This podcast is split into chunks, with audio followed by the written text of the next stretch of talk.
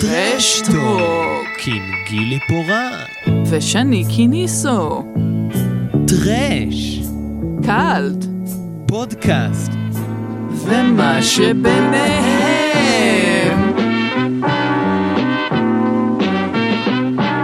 שלום לגילי פורט. שלום שני קיניסו מה שלומך גילי? לא, לא נפגשנו יותר מדי זמן. אכן לא נפגשנו יותר מדי זמן ואני שמחה שאנחנו עושים את זה על, אמ, על בסיס פורנו. או, או, אולי הפרק הזה צריך להיקרא אה, איך דניאל בלום גרר את שנינו לדבר על פורנו זה בעצם כן, יותר. כבר דרך להתחיל אה, לתפוס תשומת לב, אה, אנחנו... אני חושב שרק למען ההגינות נאמר שאת יודעת שדניאל היקר הציע לנו כמה אופציות, ואנחנו בכוונה הלכנו, כי כבר הרבה זמן אנחנו אומרים, גם אה, בפרקים כאלה ואחרים, אבל גם בשיחות בינינו מאחורי הקלעים, אה, שאנחנו, אין, אין מנוס ואין מניעה אה, שנדבר גם על פורנו ביום מן הימים. אני מרגיש שפורנו מוזכר די הרבה בפודקאסט הזה. זה... אה, אירוטיקה כן, האם פורנו פרסטי הוזכר? לא נראה לי. פורנו מוזכר אצלנו בעיקר במסביב כאיזשהו, בין אם זה איזשהו רקע אה, לפרק כלשהו, או דיון שפורנו מתקשר אליו, אבל על פורנו כפורנו לא, אה, לא באמת דיברנו בצורה ישירה. נגיד, אני זוכר שבווידאו דרום באופן טבעי דיברנו קצת על פורנו. כן. אה, וגם, אה, טוב, וגם נראה לי הדיון, הפאנל עם, אה, עם לירון סיני ב- ביוצרות מראות, סוג של הצית את העניין הזה אה, בצורה כזו או אחרת, ונראה לי גם אה, הסרט של זמיר, שאנחנו הולכים להקרין עוד שבוע, האינטימיות, הוא גם מכניס את הכל לסוג של פרספקטיבות מכיוונים שונים. נכון, בכלל כל ה... אני חושב שאם כבר הזכרנו את קולנוע זמיר, אז שאנחנו עושים בסינמטק הרצליה כל חודש, אז כן, בעיקר אה, התמה שאנחנו עוסקים בה השנה היא מאוד, אה, שזה סרטים שנעשו ומראים איזה שהם ערכים שהיו לפני העידן של המיטו, אה, מאוד מתעסק ומקושר לנושא של הפרק שלנו היום. אבל לפני שנגיע לזה, יש לנו פה יש לנו אורח, מכובד כן. מאוד שצריך להציג. נכון, אנחנו מדברים על, על פורנו ושטויות, ובעצם יש אורח לפני הפורנו. לפני, הפ... דבר ראשון, אה, אורח ואז הפורנו, לפי הסדר חשיבות. כן. אורח ואז הפורנו. הפורנו כאילו הגיע לפניך בעיקרון, הוא היה בשנות ה-70, אבל... הפורנו היה, היה מאז ומתמיד, היה, היה, פורנו. נכון. אה, ואז אני נול- נולדתי, לא משם אפילו. אוקיי. ואז גיליתי את הפורנו, ומשם הכל היסטוריה. ומה תרצה לומר לנו, חוץ מזה שהבאת אותנו לדבר על פורנו כאן, דניאל? אה, דניאל. מה אני ארצה לומר לכם? אני... איך תרצה להציג את עצמך? שאלה גדולה מדי. נכון, אני- נכון, זה בקטנה. אני דניאל, אני אה, יוצר קולנוע, שזה אה, דבר, אני לא יודע בדיוק איך להרחיב על זה, ו... ואני אוהב לדבר על סרטים, ואני אוהב בעיקר לדבר על דברים ש... נראה, לי שזה מגניב אותי עכשיו השיחה הזאת, כי מאוד מאוד מפחיד אותי לדבר על פורנו, לא מהאנשים שכאילו... שמדברים על אה, מיניות וסקס וזה, הולכים לסדנאות וזה, זה מין אה, משהו טבעי להם, ואני הרבה יותר קל לי לדבר על קולנוע באופן אה, טיפה סגור וספק אוטיסטי, אז אני חושב שזה יכול להיות אה, דיון די מעניין. האמת שכן, לקפוץ ישר לפורנו, ישר לפה, כן. ואז פשוט אה, להתחיל לדבר על אינטימיות ועל דברים כאלה כמדרגה נמוכה יותר, זה אפשרי, לגמרי. לגמרי אפשרי. שני- אה, בנושא שני, זה איפה- אני- אני איפה רק אתה בשיח? ש- אה, אני כמובן מכיר את אה, דניאל מהפייסבוק ומכל מיני דיונים בקבוצות כאלה ואחרות על, על קולנוע, אבל מתי שבאמת הכרתי אותו היה, ב, היה דרך, אני לא יודע אם הוא יודע את זה, אבל דרך פסטיבל קולנוע דרום, שאני לא זוכר פשוט, אני חושב שכתבתי לו אחרי שראיתי את הסרט, אני, אני באמת לא זוכר כבר, וכתבתי לך? הקלטת לי הודעה. זה היה... הקראתי הודעה, זהו. אמ, אז אה, אני כשהייתי אז המנהל תוכניה לפני שנתיים בדרום, אז אה, דן- דניאל שלח את הסרט שלו, אני לא זוכר את השם, בתוך הסערה. בתוך הסערה, נכון, ולצערי הרב זה לא עבר, אבל אני מאוד התרשמתי ומאוד אה, מאוד הייתי, מאוד רציתי שהסרט הזה כן יהיה חלק מהתוכנית של הקצרים שלנו, זה היה לתחרות של הקצרים בדרום. אה, לצערי, לא חש... לצערי הרב לא חשבו כמוני, אה, אבל מאותו רגע זה, זאת אומרת, אמרתי, זה, זה איזשהו בחור ששווה לשים עליו את העין ולעקוב אחריו. ו, ורק נציין, זאת אומרת ש, שזה נושא שהוא... במידה רבה, אולי נדבר על זה קצת בסוף, אם תרצה, אם, כן. תרגיש, אם תרגיש בנוח, זאת אומרת, כי, זה, כי, כי הסרט עצמו הוא לא, הוא לא רחוק מהנושא של הפרק שאנחנו מדברים עליו. כן, זה, א', זה כבר uh, הצגה יותר, יותר נחמדה ומפסדת משהצלחתי לתת לעצמי, שזה כיף, uh, ותודה. ו, וכן, זה בדיעבד קצת חשבתי על זה, אני לא רוצה עכשיו יותר מדי, אני לא רוצה להיכנס לזה כי זה לא, הסרט שלי זה לא הנושא, אבל זה כאילו... עד כמה הדבר הזה שחשבתי שאני מציע כמשהו שהוא מאוד רחוק ממני בעצם uh, מתקשר לדברים שאני עושה ומתעניין בהם שזה נראה לי תמיד נכון. זה תמיד מעניין לפגוש את עצמנו בקולנוע אבל דרך אם זה דרך היצירה שלנו אם זה דרך יצירה של אחרים ואז זה כזה hmm, מעניין לא חשבתי על זה. זה, זה מעניין כי זה מגיע בדיליי כשאתה, כן. כשאתה מעריך משהו ברמה אסתטית נטו כביכול ואז עובר חודש עוברים חודשיים פתאום אתה כזה. אה רגע אני אני התחברתי על זה ממקום אחר לגמרי מה שאני הבנתי במודע כביכול. נכון. אה, אז טוב אני אני אעשה ספוילר אני משערת אה, זה פרק אה, אנחנו כאן בשביל לדבר על סרטי פורנו גייז בשנות ה-70 מצד אחד נישה מצד שני הסרט העיקרי שיוביל את הדיון הזה היא משוואה כן, לסרט קוראים אה, משוואה אל לא נודע, equation to an unknown, אני לא זוכר את השם בצרפתית, אבל זה סרט צרפתי. 1970 בדיוק, נכון? 1980 האמת. נכון, נכון, 1980. לא, אה, אבל הגל, הגל היה בעיקר בשנות ה-70, הגל אה, של פורנו גייז אומנותי כזה תמוה היה בעיקר בשנות ה-70, אבל הסרט הזה הגיע די בסוף של הגל. אה, וזה סרט מרתק אבל אני מרגיש שיש פה עוד קצת הקדמה שכתבתי. נכון נכון סתם רציתי אה, לפני שנעשה הקדמה לסרט נראה לי כדאי קצת לדבר על אה, מה שקורה בעולם היום. מפ... כאילו מה זה לדבר על מה, מה גם מבחינת פורנו אבל יותר מבחינת העובדה שכמעט הכל זה כבר על גבול הפורנו. ולא ולא סתם כאילו אם, אם זה פורנו רגשי גם כן כמובן לא סתם אה, זילניאלס למיניהם אה, מרגישים צורך להחזיר את קוד הייז. כן אני כאילו אוקיי אז קטע עם זילניאלס אני אני רואה כאילו רואה אותו אבל. לא הכל... האם אני מתחברת לזה לא, לא ברור כן. ברור שלא אבל אבל יש יש דיבורים כאלה. אבל הכוונה שלי כן. זה שכאילו מעניין אותי כי אני ההרגשה שלי זה ש...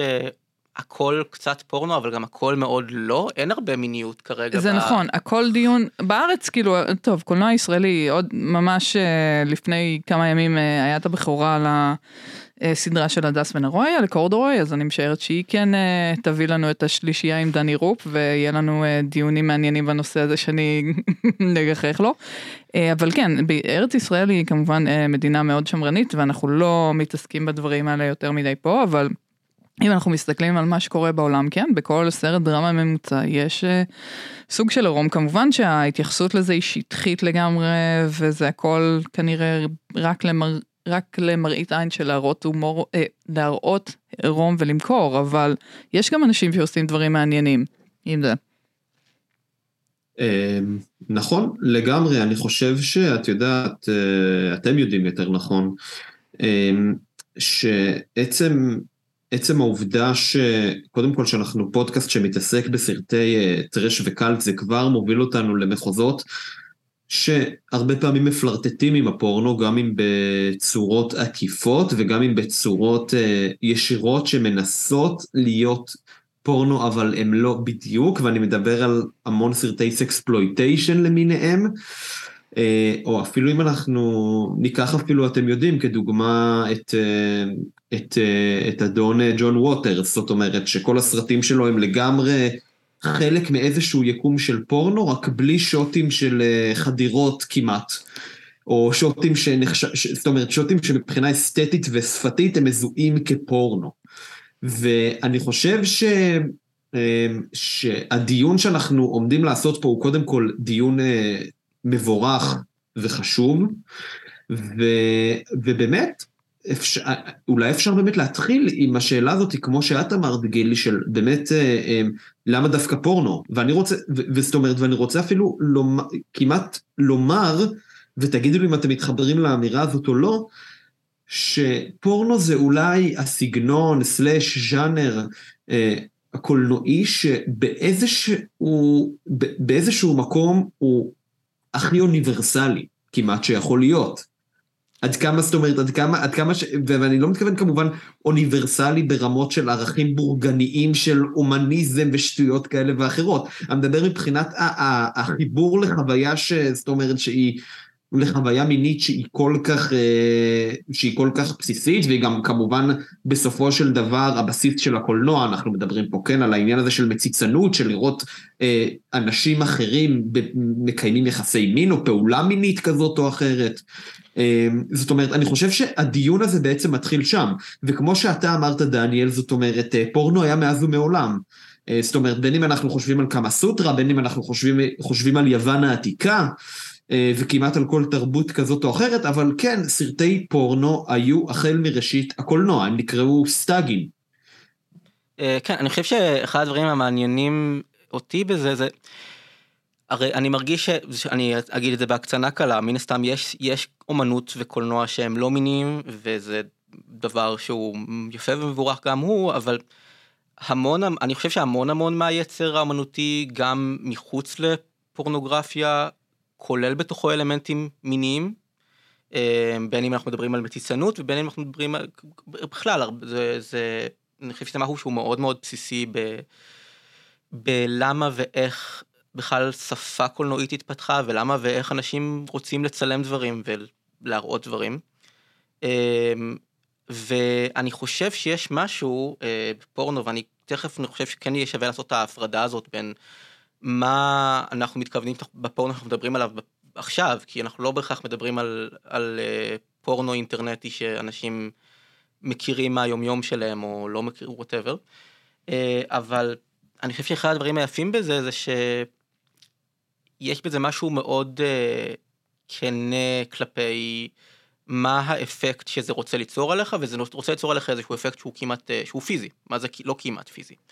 אמ, ובזמן שאני חושב שהרבה הרבה קולנוע מיינסטרימי כביכול, שכן אה, כולל בתוכו, אה, כולל בתוכו מיניות או עירום, כן, כן כולל, כן יש שם מניעים שהם, אה, שהם מיניים, שהם מטרה לאיזשהו גירוי או, או מציצנות, אבל הם תמיד קצת כאילו יש בהם משהו מוסתר ו... מוסתר וכאילו מכוסה באיזה, באיזה ריחוק, באיזה awkwardness, באיזה, בין אם זה שוט רחוק הנקי כזה שאומר לנו זה לא סצנה, את, אל, אל, אל, אל תתגרו מזה כי זו סצנה לא נעימה, או שזה איזשהו משהו מביך, או כלומר, יש משהו אז מרענן בסרטים שאומרים לא, זה בסדר, זה בסדר לענות מזה, זה, זה, זה חלק מהמטרה. אה, לגמרי, ו- ו- ושני הסרטים שנעסוק בהם פה גם משוואה, אה, רק נגיד בכללי, ניגע בסרט הזה יותר בהמשך, אנחנו גם נתעסק עם סרט בשם The Opening of Misty Beethoven של רדלי מצגר, אה, שנחשב אחד מסרטי הפורנו המקוננים מבחינת גם הדיון של מה שאתה אמרת, של כן, אנחנו, זה בסדר ליהנות מפורנו וזה בסדר שאנחנו מגורים מהדימויים שאנחנו רואים, אני חושב שאם אני מתחבר רגע ככה לשנייה למה שגילי אמרה, זאת אומרת, לכל העניין הזה של היום ולכל הנושא הזה של בדיקת גבולות ביצירות יותר מיינסטרימיות, אה, בין אם זה רצון יותר לדון במיניות בצורה יותר רחבה, מכילה, פתוחה, אה, אני חושב שאנחנו לאט לאט נגלה ששני הסרטים, וזה, ואנחנו לא סתם בחרנו בשני הסרטים האלה, שלכאורה מלבד הפורנו אין ביניהם שום קשר על פניו, אנחנו נגלה איזושהי אמת שהיא מורכבת ויכול להיות, ושבעיניי, אבל אני אסביר את זה יותר מאוחר, אבל אני אגיד כבר עכשיו שבעיניי טיפה מצערת, טיפה מאוד מצערת, שזה אה, סרטים שיש בהם גישה הרבה יותר נכונה ומורכבת למיניות ולאיך צריך, ולא יודע אם איך צריך, אבל איך נכון ואולי כדאי להציג אה, דימויים מיניים גרפיים, פורנוגרפיים, אה, בקולנוע ואיך, ו- ואיך אתה דן עליהם. זאת אומרת, אני חושב שמה שחשוב להעביר כבר עכשיו, זה עם כל מה שאמרנו שהמון יצירות וסרטים היום שואפים לדון במיניות ולבחון את הגבולות עם סצנות מיניות ממושכות ועם הרבה מאוד עירום, עדיין פורנו בבסיסו, אנשים כשהם חושבים על פורנו, הם חושבים על הגרפיות של העניין, זאת אומרת, על בין אם זה מין אוראלי, בין אם זה חדירות, וזה ביניהם מה שמוגדר כפורנוגרפיה. ואני חושב ש... זאת אומרת, אנחנו חייבים כבר עכשיו, בעיני המון אנשים, זה מה שנחשב עד היום פורנו, ו- וכתוצאה מכך זה גם בקרב אנשים שחושבים שהם יודעים מה זה ייצוג של מיניות בריאה בקולנוע ובטלוויזיה, אם אנחנו גם היום נראה להם את העניין הזה, אה, אה, גם אקט של חדירה שהיא מרצון חופשי של השחקנים ושל הדמויות וכיוצא בזה, עדיין, אה, עדיין הם יירתעו מעצם הצפייה בדימוי הפורנוגרפי ובמה שהם יראו כהדרה שלו.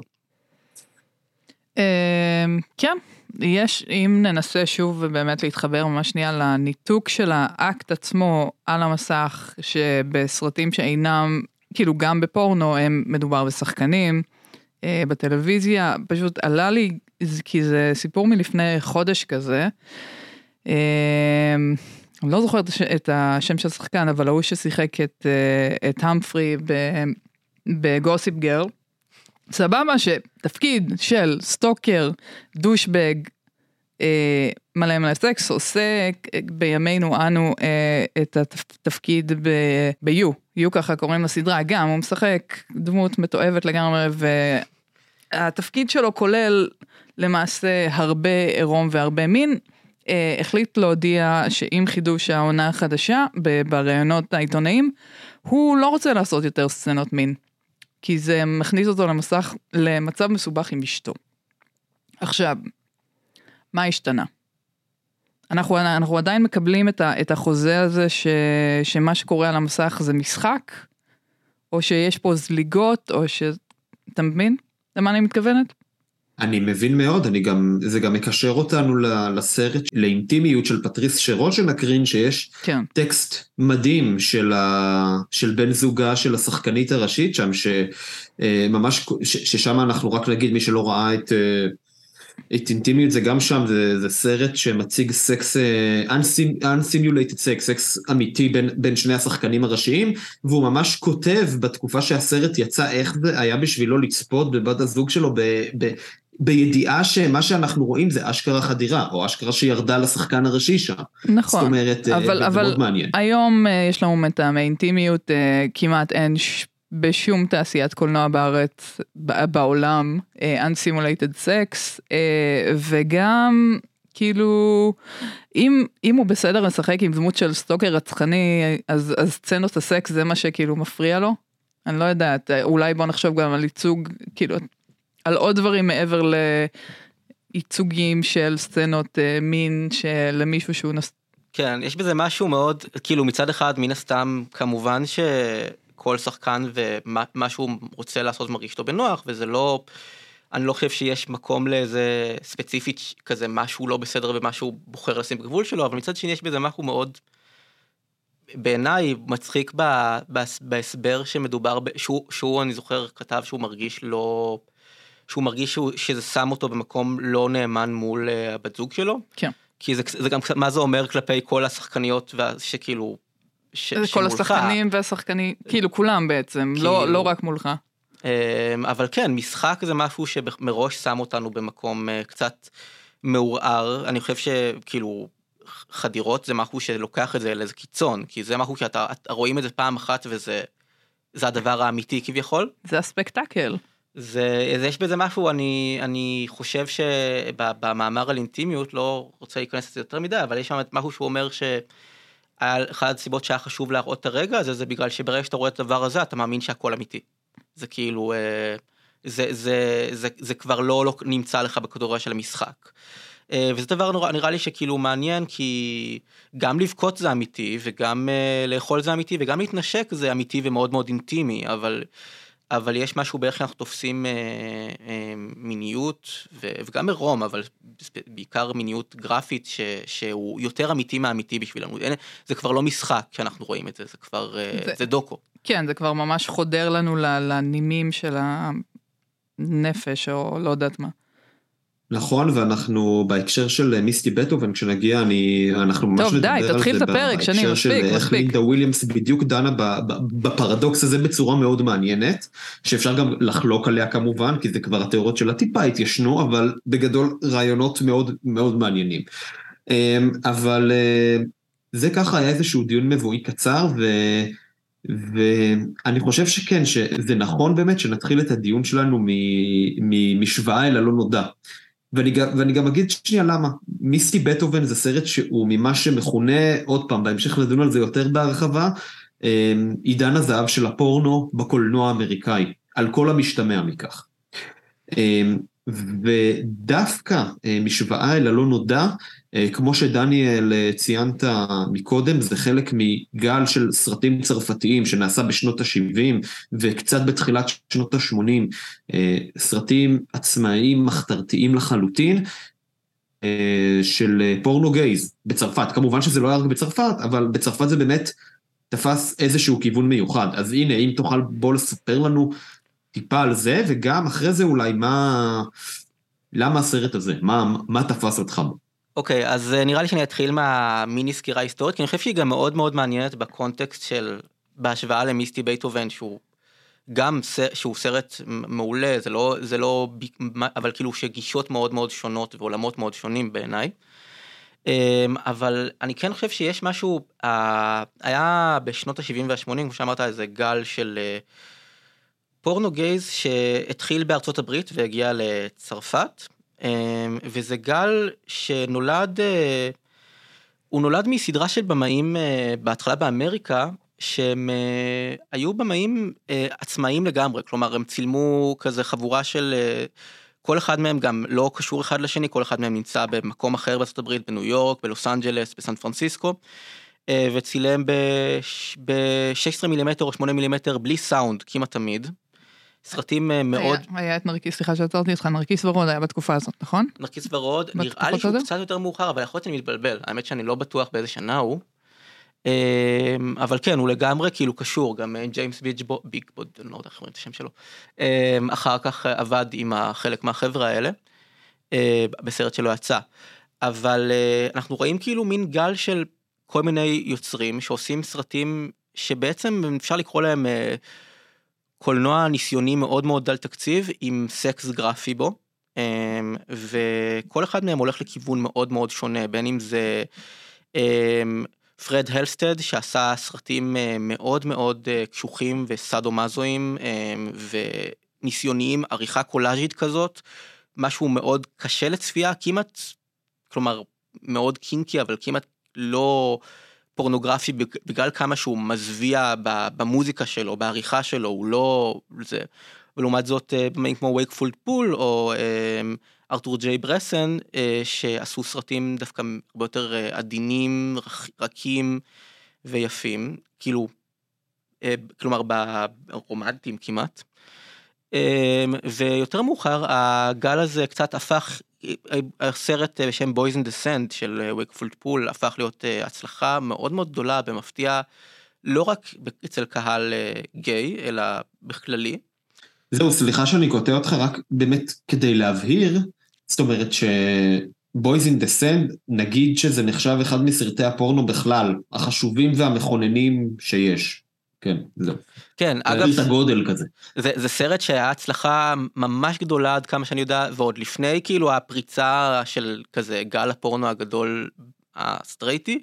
סרט אגב שלי היה קצת כאילו קשה לצפות בו אני מודה, אמ, אבל יכול להיות שלא תסכימו איתי. אה, למרות שיש בו המון יופי גם.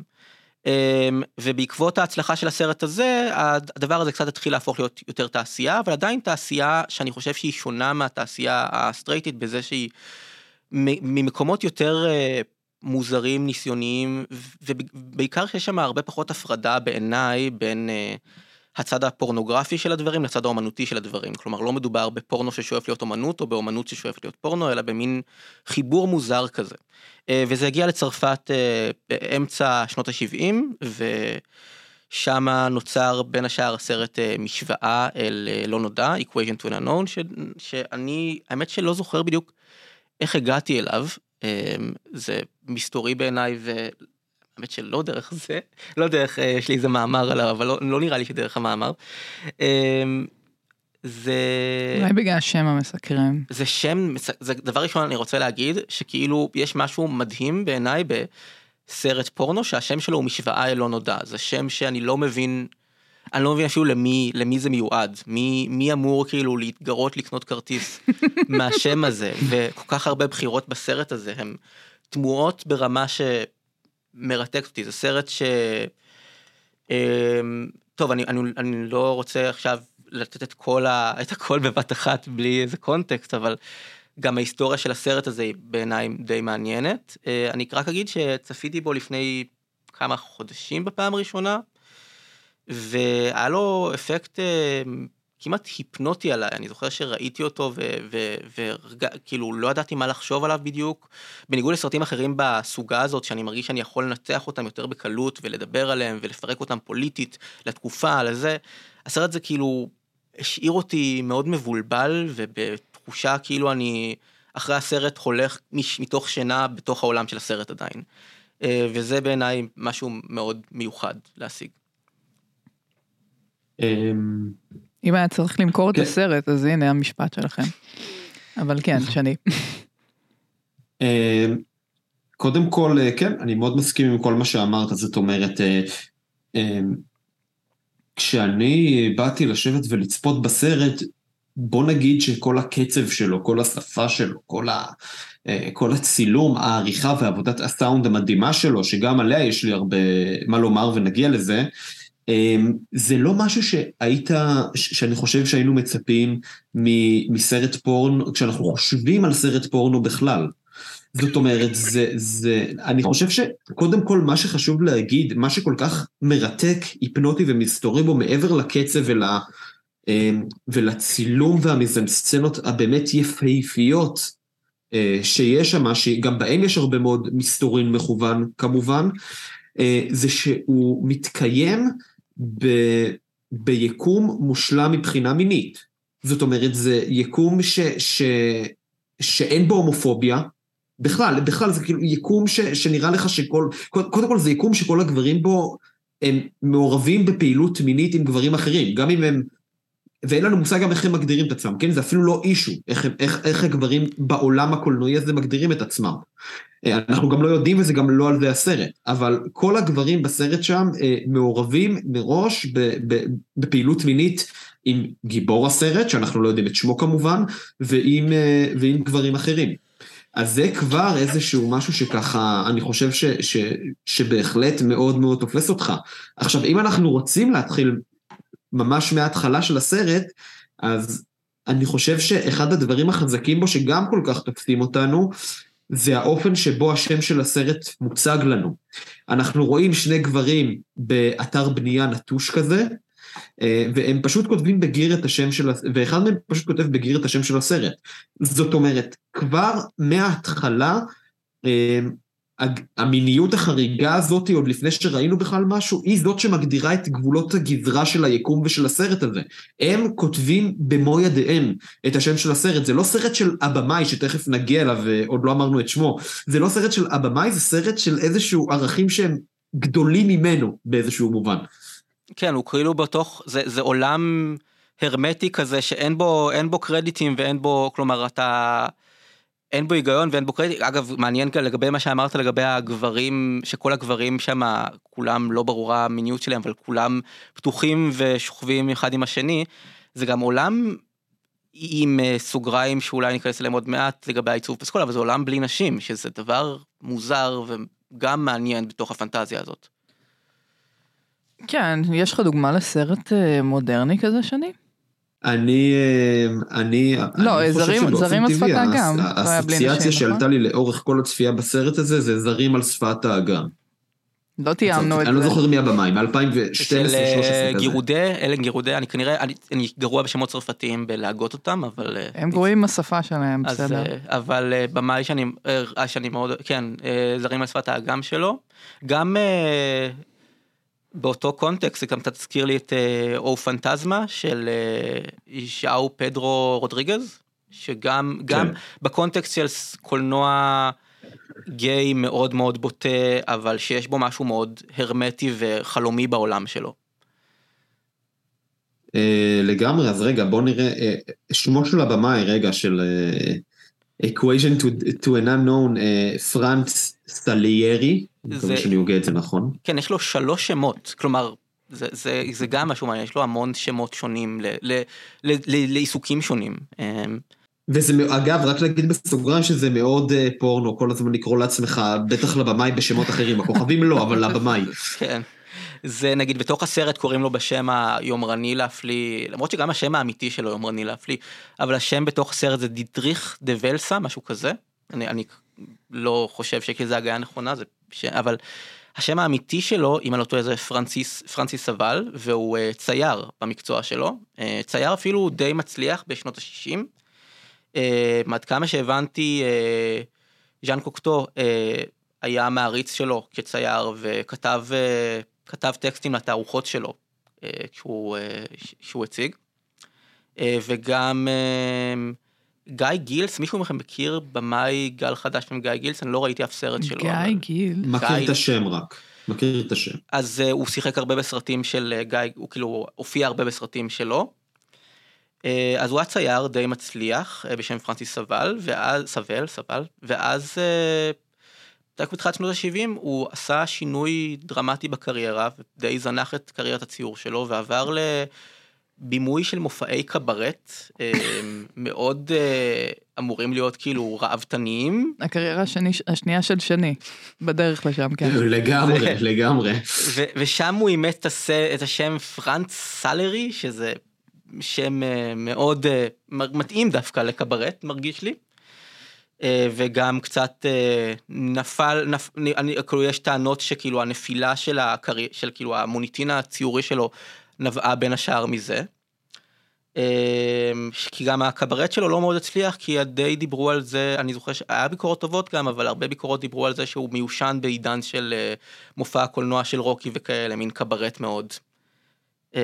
לא- אין לי יותר מדי מידע עליו. אבל אף אחד לא ממש יודע, לא, לא מצאתי שום מידע על אה, למה ואיך הוא הגיע ל- לעשות פורנו. זה נשמע כאילו כמו איזה פנטזיה, משהו, משהו פרטי שהוא, כאילו משהו שהוא עשה, כלומר, לא ממש, לא, אין רעיונות או דיבורים על איך הוא הגיע לשם. אה, ידוע שהוא עבד עם אה, ג'וזף לוסי, הבמאי. נכון. הוא, והוא נורא רצה ללהק את השחקן הראשי במשוואה לא נודע, שחקן פורנו, לאחד הסרטים של לוסי, והוא לא הסכים. אה, וכנראה שמשם התגלגל הרעיון של, טוב, אני אביים אותו בפורנו. אבל זה לא, לא ממש ברור לי מה, מה היה, מה, מה הוביל את מי, מי הוא הכיר, מה, איך זה הגיע לשם, אבל אה, זה דרך טובה לאבד מוניטין בציור, להפוך לבמאי פורנו, אני חושב. אולי הוא חשב, טוב, אין לדעת, אולי הוא חשב שזה דווקא ירומם את הקריירת ציור שלו, ב... כי הסרט הזה הוא, הוא, הוא לא פורנו שגרתי, כן יש, אפשר לראות אלמנטים של ציור. כן, זה מאוד מרגיש כמו סרט של צייר, גם בוויזואליה שלו וגם ב... שוב, זה אני חושב מאוד מתקשר לעניין של אה, זה שאני חושב שבסצנה הזאת של... אה, בסצנה... בעצם, הרי בשנות ה-70 ושנות ה-80, אני לא רוצה חס וחלילה לה, לה, לה, להפוך את זה לפשוט מדי ולהגיד שלא היה קולנוע קווירי אז, כי היה קולנוע קווירי אז שהוא מדהים וידוע עד היום, וגם לפני זה, ו... אבל אני כן אגיד שבאופן אה, כללי והכללה כלכלה, רוב הקולנוע הקווירי בזמנו היה מאוד בנישות. אה, היה, היה קולנוע ניסיוני יותר, היה, היה בתוך כל מיני, אה, היה אנשים כמו אה, פסבינדר, היה אנשים, היה את אנדי וורהול שהיה כוכב, אבל עשה קולנוע אוונגרדי, היה, היה, היה שמות, אבל אני חושב שהקולנוע הקווירי של, של זמנו, בגלל שהוא מראש היה קולנוע נישתי יחסית, וקולנוע שמיועד הרבה ממנו פנימי לתוך הקהילה, לתוך אנשים שכאילו באים לצפות בו, דברים שהוקרנו כאילו בברים גם, דברים בין שהוק- השאר. כן, דברים שהוקרנו בברים, דברים שבסופו של דבר כשהתחילה ההצלחה, דברים שהוקרנו במועד, בבתי קולנוע שמיועדים ספציפית ל, כן. להומואים, ואז אז ההפרדה הזאת בין האומנות הקווירית שאנחנו מכירים אותה היום, ובין הפורנו, הדבר הזה שאנחנו משתמשים בו בשביל לאונן ובשביל כאילו להתגרות והוא לגמרי פונקציונלי, היא לא הייתה כזאת חדה, בעיקר כי זה גם אה, בזמנו ואולי גם היום, קהילה שהגבולות שלה בין סוגים שונים של יחסים ובין סוגים שונים של מיניות היו יותר נזילים, אה, לפחות אז. כן, ואז הגיע האייטיז והאיידס והרג את כולם. כן. שזה גם מעניין בהקשר למלנכוליה הזאת של הסרט הזה, התחושה שגם בלי האיידס, תחושה שכל האנשים שם קצת מתים. אה, נכון, זה, זה כמו שאמרנו, זה, זה, זה באמת סרט שמתרחש באיזשהו יקום שאתה, שמה שנורא יפה זה שהוא מצליח להביא את התחושה שאתה באמת, אין לך מושג. אם, אם, אם אפילו השחקנים שאתה רואה בשר ודם אל מול עיניך המשתתפים בסרט הם בכלל קיימים במציאות. זאת אומרת, זה עד כדי כך הוא מצליח לעצב את זה כמעין איזושהי אגדה מאוד מודרנית, זאת אומרת, כי זה גם סרט, בסופו של דבר זה סרט שהוא גם, כן, מאוד מאוד אורבני ומאוד מאוד, אה, יש סביבו איזו עילה של מודרניזציה, זאת אומרת, כזאת או אחרת, ושל כרך. אבל uh, גם יש בו את ה... באמת את התחושה הזאת היותר uh, ברת חלוף.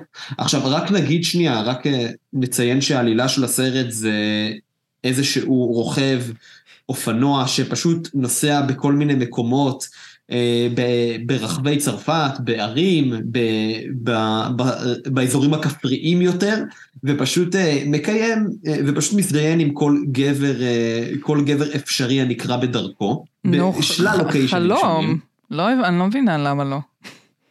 לא, לא, בכיף, זה, זה, פשוט אה, מתאר את העלילה כפי שהיא, זה הכל. הרבה פעמים צופה באנשים אחרים מזדיינים, שזה גם שזה, מעניין. כן, לצלם אה, אותו צופה ב... אפילו יותר משהוא מזדיין, אני חושב שהוא צופה, שזה מפתיע. נכון, הוא צופה, הוא הרבה פעמים צופה, ככה זה גם אה, כשהוא רואה את, בפעם, זאת אומרת, הסצנת זיון הראשונה שאנחנו בעצם רואים בסרט זה בתוך מלתחות של, של איזושהי קבוצת כדורגל חובבים מקומית כזאת, והוא פשוט, אה, הוא, הוא רואה שם איזה שני אה, גברים שמתחילים להזדיין וכו' וכו', והוא פשוט מסתכל על זה אה, ולא מצטרף. הוא לא, מצ, הוא לא מצטרף, ו, ואני חושב שפה כבר זה, זה, זה מאוד נוגע ב, באחד, באחד הפרדוקסים הבסיסיים ביותר בכלל של פורנו, שהסרט מצליח להעביר בצורה מאוד מאוד יפה. זאת אומרת, גם התחושה הזאת עוד פעם של המציצנות, אבל בעיקר איזושהי תחושה של, אה, של התהוות שאתה, שאתה זה שרוצה להיות פעיל בעצם באקט המיני, אבל אתה רק מתהווה אליו. ומה שמאוד, ומה שהופך את זה לעוד יותר מעניין בו, זה ש... זאת אומרת, יש איזשהו... זה סרט שכמעט ואין בו דיבורים. ויש איזשהו קונצנזוס, זאת אומרת, גם מבחינת איך שהגיבור הזה מצולם, וגם מבחינת של הגיבורים האחרים אליו בזמן שהם מזדיינים שם, שהוא איזשהו, יש שם איזושהי תמימות דעים שהוא מודל היופי, שהוא מי שכולם מתהווים אה, להיות מעורבים מינית איתו. ודווקא הבחירה הזאת שהוא זה שהרבה פעמים מסתכל ולא מעורב מינית היא מאוד מאוד מעניינת, בטח בפורנו, שהוא אמור להזדיין ראשון ואז כל הסרט. כן, זה גם, אה, זה מאוד, אה, דבר ראשון, משהו מאוד מעניין בסצנה הזאת שתיארת, דבר ראשון זה גם, זה...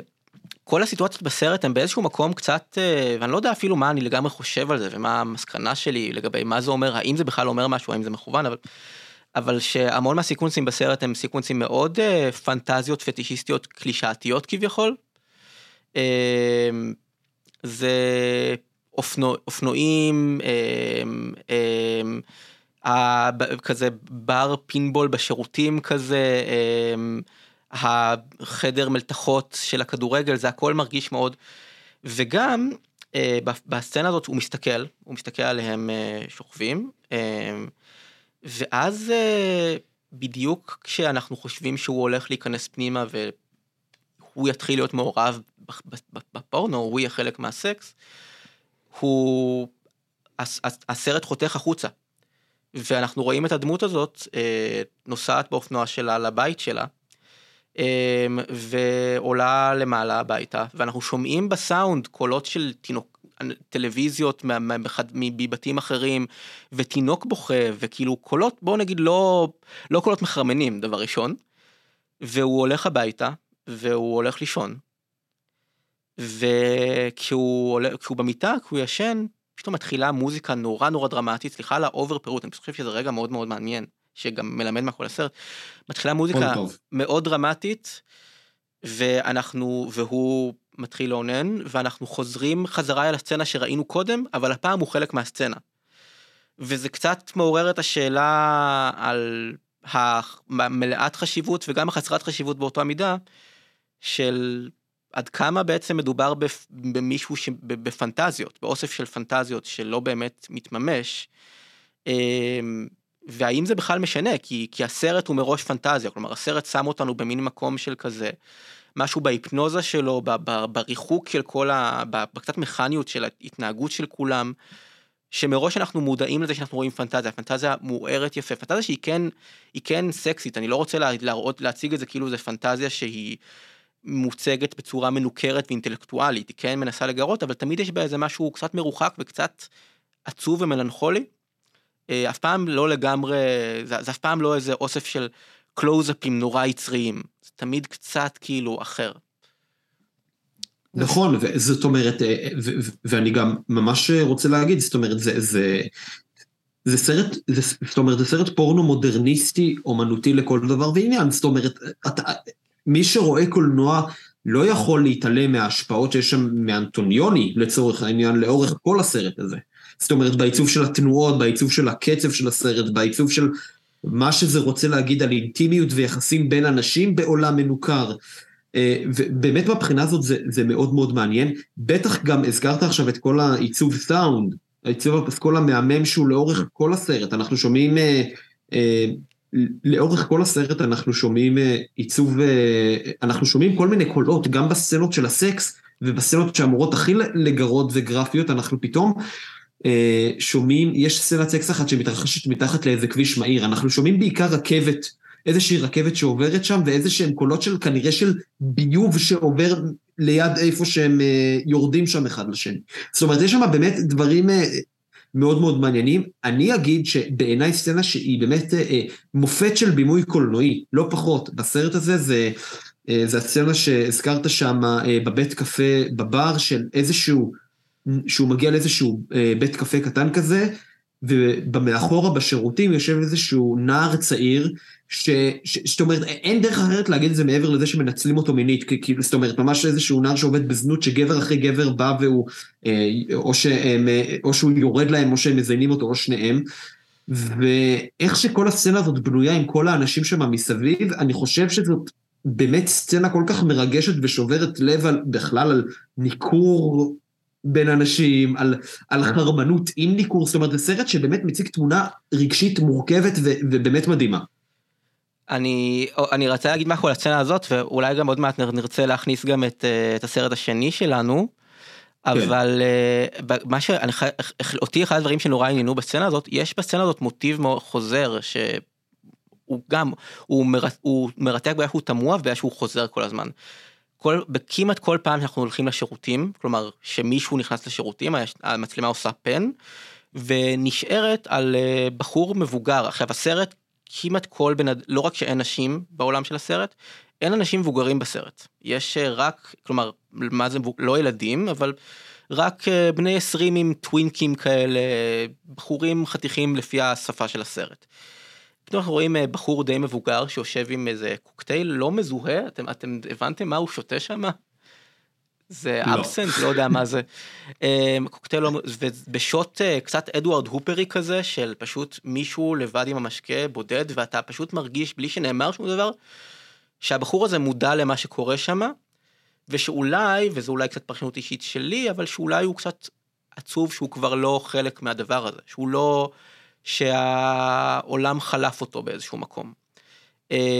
אבל, והשוט המאוד מאוד בודד הזה של הבחור הזה עם, ה, עם הקוקטייל, שלא חלק מהסצנה, וכל פעם אנחנו חותכים החוצה מהסצנת סקס הזאת, אלא בחור יושב מול הקוקטייל, היא חוזרת איזה שלוש ארבע פעמים במהלך הסצנה, וזו החלטה ביזארית בעיניי, ומאוד מעניינת. ועוד דבר לגבי העיצוב סאונד, בהקשר של העולם ההרמטי הזה בלי נשים, האישה היחידה בסרט, אם אני לא טועה, זה ב... העיצוב פסקול תמיד מאוד אגרסיבי אבל אה, ושקט. אבל בנקודה בנקודה אחת הוא ממש מאבד קשר המציאות ברוב הסרט הוא עדיין יש לו תירוצים מצויתים כלשהם אבל בסוף הסרט יש. אה, אני לא חושב שזה ספוילר זה לא סרט שאפשר לעשות לו ספוילרים יותר מדי. כן, זה- זה סרט פורנו. לא, זה לא. זה כן, זה, הסרט נגמר בסצנת, סוג של סצנת אורגיה שהיא בבירור פנטסטית לגמרי, בעצם כל הדמויות מהסרט חוזרות לסצנה שכביכול אמורה להיות איזשהו שיא אירוטי של הסרט, והיא שיא אירוטי של הסרט, קורים בה הרבה דברים, אבל כל הסצנה מלווה ברע, בקולות של אה, מים זורמים, אין, אין גניחות, אין סאונדים של המגע, של הדיבור, יש סאונדים מעבר לקיר של אישה צוחקת. עוד פעם ועוד פעם ועוד פעם, אתם, אתם שמתם, כאילו, מן הסתם אי אפשר לפספס את זה. כן. כן. אני ראיתי אנשים שמפרשים את זה כדיבור על, אה, על, אה, על אה, הום- הומוסקסואליות ו- והלעג שמובנה בזה והחוסר קבלה ו whatever ואני אני מסוגל להבין את זה כפירוש קל אבל חלק ממני פשוט כל כך כאילו סליחה אני מרגיש שכאילו לה- להעלות את. אה, את דיוויד לינץ' בדבר כזה זה דבר מאוד מאוד מגוחך אבל זה הדבר הראשון שחשבתי עליו זה כאילו ה- זה זה ראש מחק קצת זה האישה מעבר לשכנה הזאת בראש מחק. פשוט התחושה הזאת של משהו לעגני ומוזר ולא ברור שנמצא מעבר לקיר ובשום שלב אנחנו לא כאילו זה זה זה זה זה קטע ממש מעניין בעיניי.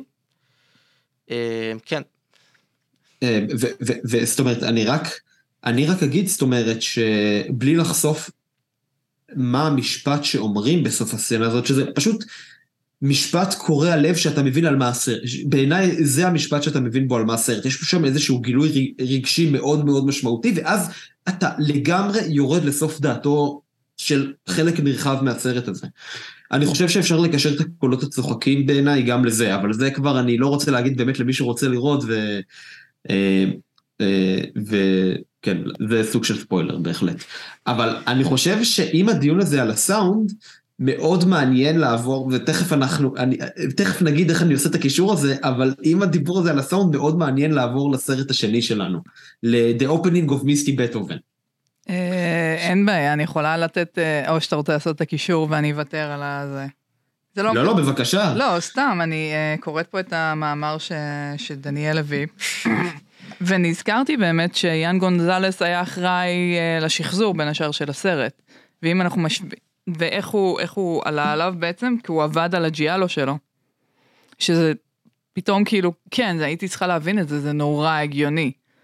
רק נגיד, עבד על הג'יאלו שלו, על, על האימה שלו, ארט פלוס נייף, שזה סרט שהוא כולו מתעסק ב, בתקופה שלו, זאת אומרת הגיבורה שם היא, היא, היא כזאת שהיא ממש בתוך העולם הזה של גיי פורן, והולכת לפתור שם איזה תעלומת אה, רצח, ובמסגרת התחקיר שהוא עשה על זה, זאת אומרת, הוא, הוא שמע המון על הסרט הזה, והוא שמע באמת המון תשבוכות עליו, והוא אמר אין סיכוי, כאילו, זאת אומרת, לא היה אף עותק זמין שלו, והוא ממש הצליח לאתר את הנגטיב המקורי שלו, זאת אומרת, סיפור מדהים ומטורף, ואנחנו צריכים shout out גם מפה, מישראל, על, על העניין הזה.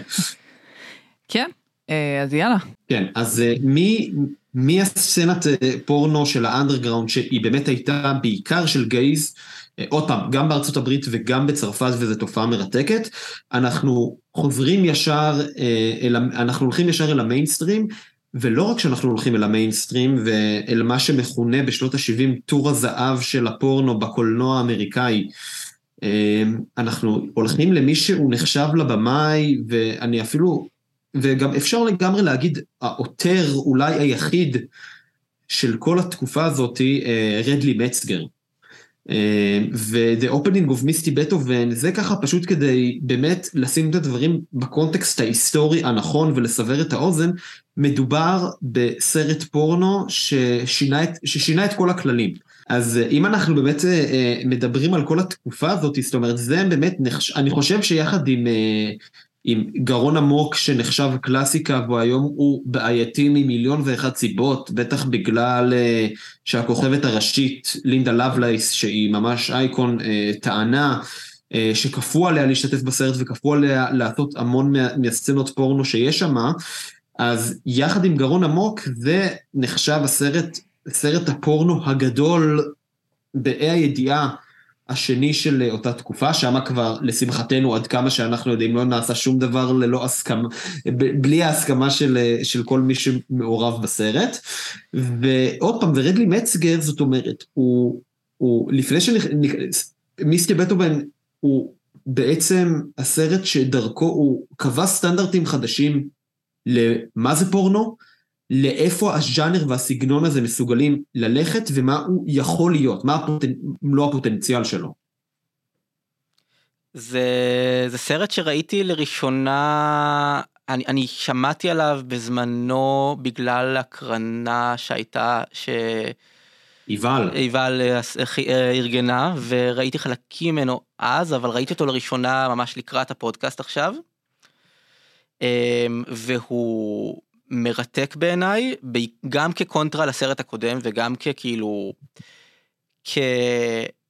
חוץ מזה שזה סרט כיפי ובטירוף, אבל זה גם סרט שיש בו, אני הרגשתי שיש בו המון המון דברים, סתירות פנימיות מעניינות, כאילו בקטע החיובי, האידיאולוגיות ו... ו... ומבחינת אסתטיקה, שמאוד מאוד הפתיעו אותי, זה מאוד לא מה שציפיתי לראות באיזשהו מקום. אני סקרן איך אתם נתקלתם אלו, איך, מתי אתם ראיתם אותו לראשונה ואיך הגעתם אליו וכזה. אני, אני, אני ראיתי אותו לראשונה לפני איזה שנתיים אני חושב, שבאמת באיזשהו שלב אתה, כשאתה גם סיניפיל אתה מתחיל להגיד רגע אין סיכוי שאין אף סרט פורנו טהור אחד שלא שווה לראות אותו. פשוט אין סיכוי. ואז השם הראשון שאתה מגיע אליו באופן טבעי זה רדלי מצגר ולכל הסרטים שלו, כי הוא באמת, ש... באמת באמת שינה את כל כללי המשחק של. ש... ש... של הז'אנר הזה ושל הסגנון הזה. ואז אתה מתחיל לצלול, כי באמת הסרטים שלו הם מרתקים, כמו שאמרת, הם באמת סרטים מרתקים, והם סרטים שבוחנים באמצעות הדימויים הפורנוגרפיים הכי ישירים ובמרכאות קלאסיים שאנחנו מצפים ורגילים לראות מסרט פורנו, אה, הרבה מאוד, אה, באמת חוקר דרכם, הרבה מאוד דינמיקות מיניות ומוסכמות מגדריות ומיניות מרתקות. וזה כבר בא לידי ביטוי, אני חושב, בסצנת פתיחה של הסרט. אבל רגע, גילי, את ראית אותו פעם ראשונה, אה, נכון? לא, ראיתי... לקראת ההקלטה שלנו. לא, לקראת ההקלטה ראיתי את The Image, שלא ראיתי, את... אה, את מיסטי בטהובן, אה, נראה לי שראיתי אותו ש, שצללתי במאורת הארנב של ה sexploitation, זה נשמע לי הגיוני, שכזה ראיתי דוריס ווישמן והייתי כזה אוקיי מגניב, בוא נראה אולי דברים כאילו, אתה יודע, כזה במעגלים קצת יותר אה, זה. וואי אבל מה שמעניין זה שזה כאילו אני זה ממש התקדמות הגיונית אבל זה סרט שהוא הכי לא כלומר יש בו לא הוא לא הוא לא sexploitation לא, לא, בשום צורה. כן, אני, יש בו הרבה קשר לסקספלוטיישן אבל זה מדהים כמה הוא, הוא מרגיש יקר כלומר אני לא בטוח אני לא אומר שהוא יקר בהכרח אבל הוא מרגיש מאוד uh, הוא מרגיש מכובד כלומר הוא, מר, הוא לא מרגיש טראשי uh, שזה מעניין לראות כאילו פורנו באיזה רמה רמת גימור מאוד גבוהה. אה, נכון, וזה אגב גם מתקשר, זה גם המקום לפני שהוא באמת התחיל לצלול לסרט, זה גם, זאת אומרת, זה מתקשר למקום של רדלי מצגר, שחשוב להגיד שמדובר ב... ב לפני שהוא התחיל לעשות פורנו, הוא עשה כמה ניסיונות בסרטי ז'אנר, אבל הוא גם um, עבד כעורך, ובמידה רבה כשרואים את כל הסרטים שלו, רואים שזה סרט, מאוד, שזה סרטים של עורך ברמה שהיא לגמרי כזאת. אבל הוא גם, אה, טריוויה מאוד מצחיקה זה, ש, זה שהוא עבד אה, ככה עבור אה, סרטי יאנוש פילמס, שזה יאנוש, אני אוהב לקרוא לזה יאנוש בכוונה, כן? יאנוש פילמס שזה החברה ש... מי שלא מכיר, החברה של שקריטריון עובדים איתם והלוגו שלהם זה כזה של מעין מיתולוגיה יוונית כזה של הפרצופים שהפיצו בארצות הברית את כל הסרטים האלה של אה, ויידה וטרקובסקי וברגמן וחברים וחברות הבמאי של The Opening of Misty Beethoven ערך המון טריילרים אמריקאים לברגמן והוא ערך גם את ה... טריילר מבעד לזכוכית האפלה שלו, ליצירת המופת שלו, ו, וברגמן פשוט כתב למפיצים שזה טריילר מופתי ושהוא עשה שם עבודה מושלמת, אז שתדעו שזה הבמאי של The Opening of Misty Beethoven, ועוד סרטי פורנו אחרים. זה כן זהו ככה אם אתם רוצים לשכנע את כאילו המרצים לתולדות הקולנוע להכניס את הסרטים שאנחנו מדברים עליהם פה לשיעור. אנקדוטה מוצלחת. כן, עוד אנקדוטה זה שהמפיץ אה, של הסרט הקודם, הוא נקרא אינוס פילמס, ופשוט יש אה, נכון. שני פלחי תחת. אה. כן, זה- זה אה, זה חברה שעושה רסטורציות לסרטים הם עושים גייז. רסטורציות, כן. והם פשוט לקחו את הלוגו של ג'יינוס פילמס ועשו אה, שיבוש אות קטנה. זה-. זה מעולה. הכל מתחבר. מעולה ממש. אה, כן, אז אה, בכל מקרה, אה, אה, כמו שאמרנו, The Opening ומיסטי בטהובן, קודם כל נגיד שזה אה, מבוסס על אה, פיגמיליון של ג'ורג' ברינרד שור, על כל המחזה הזה של פיגמיליון, ובתורו, זאת אומרת, כולנו, וכולנו הרי מכירים את פיגמיליון, בטח באותה תקופה, מהעיבוד של גברתי הנאווה, של המיוזיקל, אז זאת אומרת, אה, זה מאוד, אה, המון רפרנסים לזה.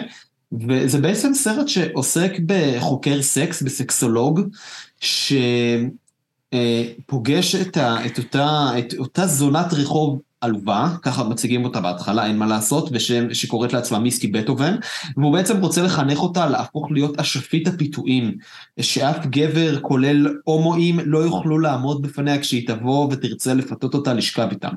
עכשיו, הסרט עצמו מתחיל באיזשהו בית קולנוע מאוד מאוד סליזי, אני חושב שזה בפריז.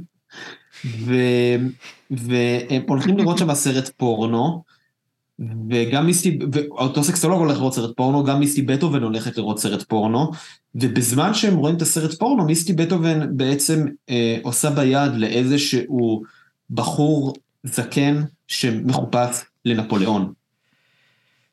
אה, כן, שמעתם את זה פה לראשונה? שמעתם כן. את זה פה לראשונה. עושים ביד לנפוליאון. עכשיו, עם כל ההומור, וזה מה ש... אגב, זה מה שכל כך מדהים ומבריק ברדלי מצגר, הוא מצליח לדון בנושאים באמת מאוד רציניים ועמוקים של מיניות בצורה נורא מצחיקה ומגניבה וקורעת. זה, זה, זה מה שמדהים. ומה, ש... ומה שיפה בסצנה הזאת זה עוד פעם, זה, הוא כבר מעמיד לנו, עושה לנו איזשהו מבוא לפורנו. הוא כבר מעמיד לנו. הוא כבר מעמיד לנו שני, כן. בחירת מילים בדיוק, יפה. כן.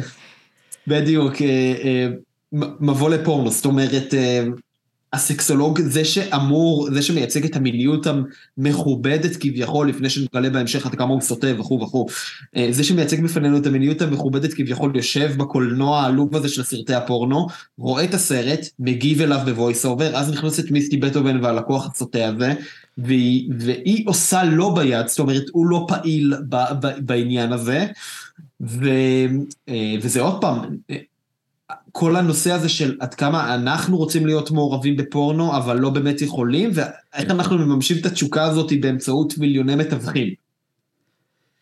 כן, אני חושב ש... אוקיי, דבר ראשון, אה, אם, אם זה לא ברור מזה שהתחלנו את הדיון בזה שהיא עושה ביד לנפוליאון, הסרט הזה הוא קומדיה. אה, לעומת, כן, לעומת הסרט הקודם שבאמת תהינו לעצמנו כנראה במהלכו קצת אה, מחשבות מעורערות ומעורערות, אז הסרט הזה הוא לגמרי קומדיה. אני חושב שגם מעבר לעניין הז'אנרי, כלומר, אה, יש פה משהו... הסרט הזה, אני חושב שהתפיסה של, של הסקס בסרט הזה היא מאוד אופטימית ואוטופית באיזשהו מקום, נגיד בניגוד ל... אני, אני, אני לא רוצה ישר להיכנס להשוואות כי שווה לתת לסרט הזה את הזמן שלא לדבר עליו, אבל, אבל נגיד אני חושב שבמשוואה ובהרבה סרטים אה, קווירים במפתיע יש גישה די כזה מרוחקת ו, וקצת אה, הגמומית. הגמומית ולפעמים מלאה עם, עם איזושהי רמה של שנאה, לא, בסרט זה פחות ספציפית שנאה עצמית, אבל איזושהי רמה של הדחקה או שנאה עצמית כלפי סקס. הסרט הזה הוא סרט מאוד אה, אופטימי ופתוח ו, ובעד סקס וכל האפשרויות שלו וכל הקומבינציות השונות שיכולות להיווצר. זה לא שאין שם דברים מוזרים ושל, שלא התיישנו טוב, אבל, אבל באיזשהו מקום הוא גם מאוד מאוד, אה, לא רוצה להגיד את המילה פרוגרסיבי, זה נשמע נורא, אבל כן, אולי. לא אמרת מספיק את המילה ניסיוני, נראה לי, ואתה הבטחת לי להגיד. זה. אני, אני, אני, אני נחזור, זה בסרט הזה אין הרבה, מה, אבל נח- נחזור לזה עוד. ניסיוני אה, בפרוגרסיביות שלו. כן, קצת פורנו, קצת ניסיוני, קצת, אה, איזה עוד ז'אנרים יש שירתיעו אנשים מלהמשיך לשמוע? לא, אם הם כבר פה הם לא. מכורים, זה לא... פשוט, קולנוע פשוט תגיד רומני. ניסיוני על הטיותיו השונות וזה יעשה אקספרימנטלי, אבסטרקטי וכו'. כן.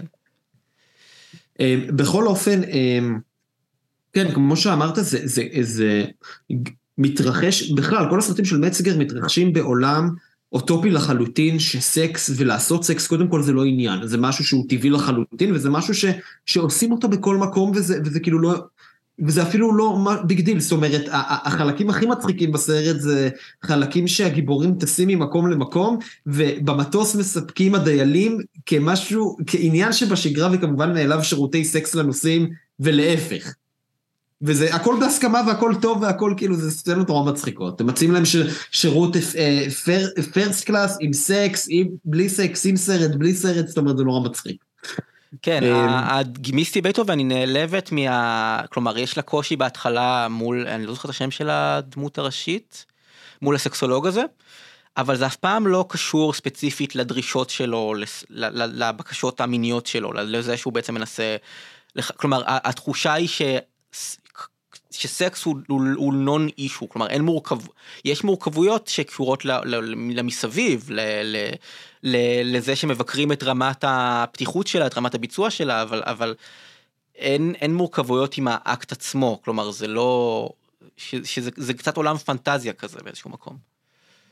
זהו, וכמו, ש, וכמו שאמרת מקודם, זאת אומרת, אה, ה- ה- ה- המראה המעוגן של הסרט במרכאות, כן? וזה שרואים שהשקיעו בו, זאת אומרת, זה סרט שאתה רואה שהשקיעו בו כסף, זאת אומרת, אשכרה, יש שם סטים שבנו את כל המקום הזה שהוא, שה, שהסקסולוג לוקח את מיסטי בטהובן לאחוזה הזאת שלו כדי להתאמן על, יש שם, יש לו ממש מעבדת סקס שם עם משרתים שעליהם מתאמנים אה, אה, לבצע כל מיני פעולות מיניות עד שהיא, עד, שהיא, עד שהיא תצליח לעשות את הפעולה, להיות השפיט המין שהוא מייעד אותה, את מיסטי בטהובן, אותו סקסולוג. אה, אז יש משהו בכל התחושה הזאת ששפכו על זה כסף. ה- ה- הכל כך אה, גדולים האלה, שאתה אומר, אה, אוקיי, זה פורנו, אבל זה, זה באמת, כמו שאמרת, זה איזשהו פורנו עם, במרכאות, קלאס, וזאת אומרת, וזה, וזה, וזה מאוד בוטה ומאוד ישיר עדיין. עכשיו, מה שכן מאוד מעניין, זאת אומרת, כן, לאורך כל הסרט יש את ההשתעשעויות האלה, את היחסים הקצת מורכבים שלה עם, עם אותו סקסולוג שהוא מתייחס אליה כמושא מחקר, והוא מתנשא מעליה ולא כל כך אכפת לה ממנו, גם כשהיא מנסה, אה, שיהיה לו... שיהיה לו קצת יותר אכפת. אה, בסופו של דבר כן, חשוב להגיד כבר עכשיו, זה פורנו שהוא, אמנם פורנו שהוא סטרייטי לגמרי, אבל גם פורנו ש, שמה שמרתק מאוד בסרט הזה, זה שהוא הוא לא עושה עניין מס, מסקס לסבי. זאת אומרת, כן, זה עדיין איזשהו פרפורמנס, ש... זאת אומרת, איזשהו ספקטקל, הייתי איך לזה הוא עדיין כאיזשהו ספקטקל, אבל זה לא ש... אנחנו הרי בדרך כלל רגילים לראות שבונים לקראת סצנת סקס לסבית כזאת בסרטי פורנו, בונים לקראת זה לאיזשהו שיא גדול. ושם זה כזה על הדרך, וזה חלק מהעניין, מעניין מאוד מעניין שיש בו. אתם לא חושבים? אה, תראה, לא ראיתי פורנו שהוא לא אומנותי כבר מלא שנים, אז קשה לי להגיד לך את זה, וגם אז זה היה כזה סצנות, ולא סרט פר סי, אבל זה נשמע מאוד הגיוני מה שאתה אומר. שהלסביות זה כאילו, זה הפיק שלה, זה, או double penetration, או משהו בסגנון הזה, שזה הספקטקל. זהו. אני גם חושב, וזה כבר מתקשר יותר, אני חושב, למורכבות שגם יש במשוואה, אה, והיא פה מוצגת בדרך נורא נורא מעניינת, אה, זה, זה שזה, עד כמה שזה פורנו הטרוסקסואלי להחריד רוב הסרט, אה, לקראת הסוף שלו קורה משהו מאוד מאוד מעניין. גם, גם פה, אה, שימו לב, בדומה למשוואה, השיא הוא באורגיה שקורית ב- באיזושהי בית, יחד עם... אה, זאת אומרת, זה כבר כשמיסטי בטהובן סיגלה לעצמה שם של, אה, לא יודע אם להגיד זונה צמרת, או ככזאת שבטוחה במיניות שלה ושמדברים עליה ברחובות אירופה, איטליה וצרפת. בכל אירופה. בכל אירופה. זה הפקה בינלאומית, חשוב לציין. הרבה מה? כסף. הפקה בינלאומית, הרבה כסף, כן. בדיוק, ו... אמ, ואז מה שקורה שם לאורך כל הסרט, אה, הוא בעצם מאמן אותה איך, איך, איך, איך למצוץ נכון לגברים, איך, איך להביא אותה לגברים לידי פורקן מיני ואורגזם בצורה הטובה והמיטבית יותר. אה, מה שהיא גם טיפה רוצה קשר רגשי איתו, אגב, רק נגיד שכאילו אחת מסצנות השיא של הסרט שכולם זוכרים זה שהיא מצליחה לפתות אה, אמן הומוסקסואל שזה גם כוכב פורנו גייז מאוד גדול אה, של אותה תקופה, שגם משתתף ב Boys in the Sand בין היתר. אוקיי, זה לא לא שמתי לב, לא ידעתי את זה האמת. ושם כבר, וכשהיא מתאמנת לקראת לפתות את האמן הזה, מתחיל כבר שם העניין המגדרי המאוד מאוד מעניין. כש, כשהיא מתאמנת לקראת זה, היא מתאמנת על זה עם, אה, עם אחת העוזרות של אותו סקסולוג. אה, זאת אומרת, היא בהתחלה מתאמנת על זה עם, עם אישה אחרת, ואז כשהיא באה לעשות את זה על, על ההומו, היא, היא, כל הזמן יש מחזירים אותנו בפלשבקים ובקאטים, עוד פעם, זה סרט שהעריכה בו היא מאוד מאוד דומיננטית, וככה גם כל מיני, אה, וככה גם הצילום, זאת אומרת, יש שם כל מיני זווי, זוויות ותנועות מצלמה שאנחנו לא רגילים לראות בסרטי פורנו. אה, אז, אז ברגע שהיא באה לפתות את אותו אמן הומו, היא נזכרת בזה כל הזמן, מתחיל פה איזשהו תהליך של... אה, אה, אה, גם סוג של שינוי מין, גם סוג של אה, בחינת גבולות מינית, שמגיע לשיא באותה סצנת אורגיה בסוף, ש, אה, שאותו סקסולוג אה, שוכב שם עם אשתו, ואז מיסטי בטהובן, וואי תסלחו לי, אני, מה זה יוצא פה אה, כ, כבן אדם שרואים ש... ש מה שנקרא, הם, אה, לא בקיא בשמות של צעצועי מין וכיוצא בזה. אה, שהיא שמה לעצמה את הרצועה הזאת. היא strap-on? בסוף. אתה דיברת על strap-on? מה? strap-on? על strap-on, בדיוק. אוקיי. אז היא שמה על עצמה, אז בזמן שהסקסולוג הזה מזיין את אשתו על עצמה את ה strap-on, ואז היא באה אליו ומזיינת אותו עם ה strap-on, זאת אומרת, אה, יש פה double אה, penetration שלא רק הקדים את זמנו, אלא הוא גם שם בכיס הקטן, זה כבר מקשר אותנו למה שדיב... זה הנקודה שמקשר אותנו למה שדיברנו בהתחלה, לחוויה מינית שהיא הרבה יותר מכילה בסרטים האלה, הרבה יותר מהיום, שהשיח הוא כביכול יותר מפותח. יש פה איזשהו סוג של double penetration שהוא גם, אם עד עכשיו הסרט הזה מאוד העצים עם האקסטרים קלוזאפים של חדירות של זין לכוס וכיוצא בזה, וסקס שהוא מאוד מאוד סטרייטי בסופו של דבר, יש באקט המיני הזה בסוף משהו שהוא פתאום מאוד מאתגר ומאוד הופך את, הפר, את הפרנזיות, זאת אומרת, ואת ה, את החגיגה הגרפית הזאת של, של פורנו למשהו שפתאום מאוד מאתגר את הצופה הנורמטיבי, שלא רגיל לזה. תראה, לא יודעת, pegging נראה לי הפך להיות די נורמטיבי, לא? אני כאילו, כן, השאלה, אני לא יודע מה היה בשנות ה-70, אני לא, זה, זה כן, יש פה איזה עניין של כאילו פג זה מתקשר לי מאוד עם קוויריות אבל זה לא חייב להתקשר עם לא, קוויריות בעצם לא, בשום וגם, צורה. ומן הסתם כן יש אה, אם נחזור שוב לזילניאלס החמודים שלנו הם מסתבר לא שוטפים את התחת בכלל מרוב שהם פוחדים מאנאלי ולגעת בכל האזור הזה. אז אם ניקח את הקיצון הזה לעומת הקיצון הזה איפה כן דניאל. איפה ההווה איפה ההווה יש לי יש לי אה, אני אומר את זה בהרבה אהבה לסרט הזה ואפילו טיפה יותר אהבה ראיתי גם את אה, The Image באמת להכנה חשבתי שזה סרט, אה, סרט מרשים מדהים. נורא ובאמת מדהים אבל יש לי דיס קטן עם מצגר זה לא יודע אם זה דיס זה פשוט אולי זה משהו שאני אני אפילו לא בטוח אם אני צודק וגם אם זה זה משהו שכאילו מאוד אה, נראה לי קשור לאיזה מודל תעשייתי וכן מלמד אותי משהו. Um, התחושה שלי וזה היה לי יותר בולט ב-The Image אבל בשני הסרטים הרגשתי את זה קצת. זה שיש פה סרטים um, מבוימים לעילה כאילו מאוד מאוד אה, עשויים היטב טובים מעניינים ואז כאילו יש סצנת סקס הפורנו מתחיל כביכול. זין יוצא ממכנס והסרט קצת שובר סגנון. ובמיסי בייטובן שהוא יותר קליל וקומי זה עוד פחות מורגש כאילו פשוט הרגיש לי קצת אה, שוב אני לא מן הסתם אה, עניינים של ממש פורנו זה מאוד מאוד סובייקטיבי אני לא מתכוון להגיד לאף אחד למה הוא נמשך ומה מעניין ומה מושך אבל אה, מין over extreme קלוזאפים על איברים וחדירות שזה לא דבר רע אבל זה מאוד מאוד בולט שמה.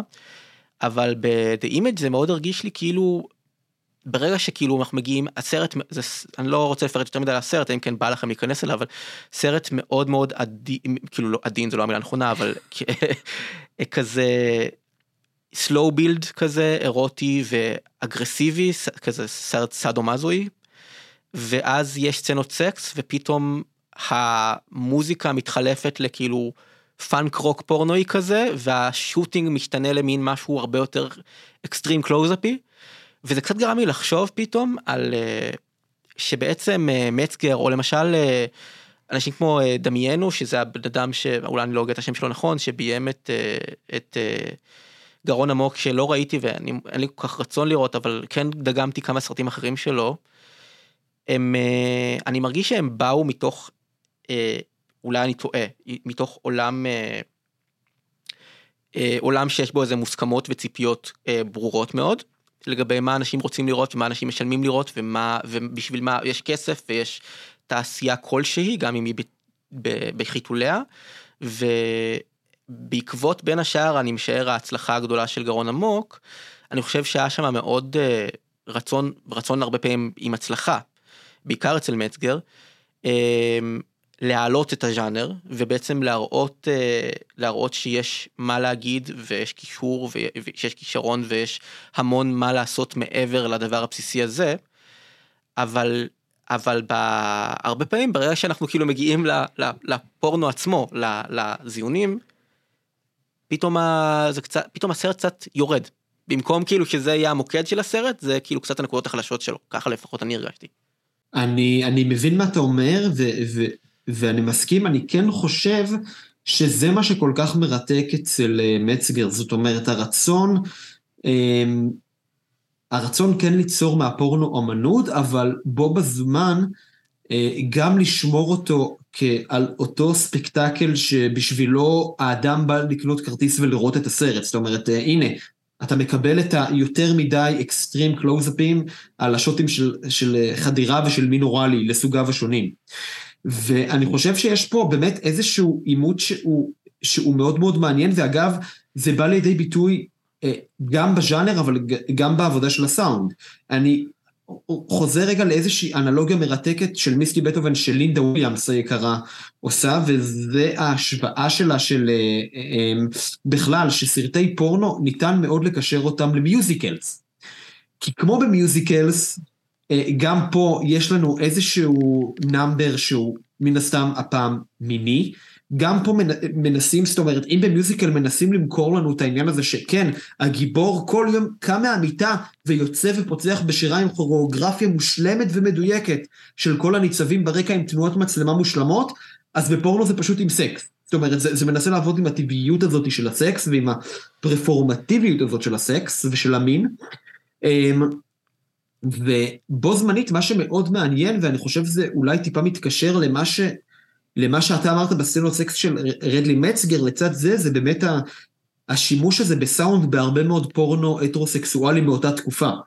אה, כי בגלל שזאת אומרת, אה, רק נגיד שמה שנחשב אז הרבה באותה תקופה זה גם כל העניין הזה של המאני שוט, לצלם את הגבר גומר ואת הזרע אה, משפריץ לו לכל הכיוונים או לאיברים כאלה ואחרים או על הפנים של אותה אישה. ובגלל ש...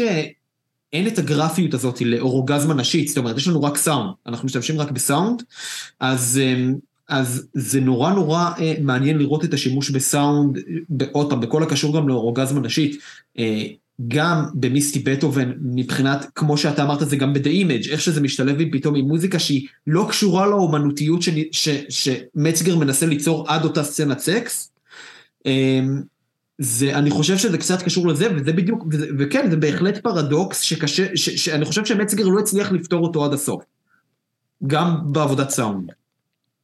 בואו נסיט את הדיון ממיסטי בטהובן וככה נסכם, ו, ואני חושב שאנחנו צריכים לסכם, אם אתם, תגידו אם אתם חושבים שלא, אבל שנדבר שנייה קצת על מה שפתחנו בו על היום. זאת אומרת, על שני הסרטים האלה.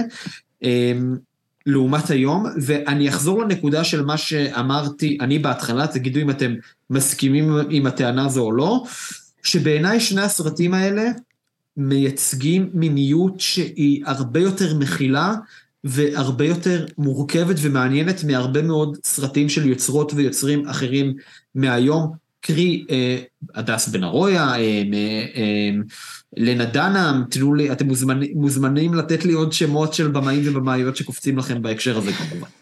אמ, אני כאילו, תראה, אני, אני מברך בכללי על כל במאי או במאית שעוסקים במין וסקס בקולנוע היום. Uh, ועוסקים בזה באמת אני לא כאילו וזה ואני כן uh, אני אוהב את, את הסרטים של כאילו אני אוהב את לנה ואת הדס בסך הכל. אבל כן אני חושב שיש משהו יש משהו שכאילו אני, אני, גם, אני גם מרגיש שהעיסוק במין הוא הרבה פחות קיים היום בקולנוע, יש, יש מיניות במובן של, אני לא אומר שאין מיניות ואין עירום, וכשיש עיסוק במין זה גם קצת משהו שאולי הזכרתי אותו בהתחלה, אני מרגיש שזה מגיע מתוך, מתוך איזשהו רצון של uh, לשמור על עצמך, כי, כי לדבר על מין זה מביך.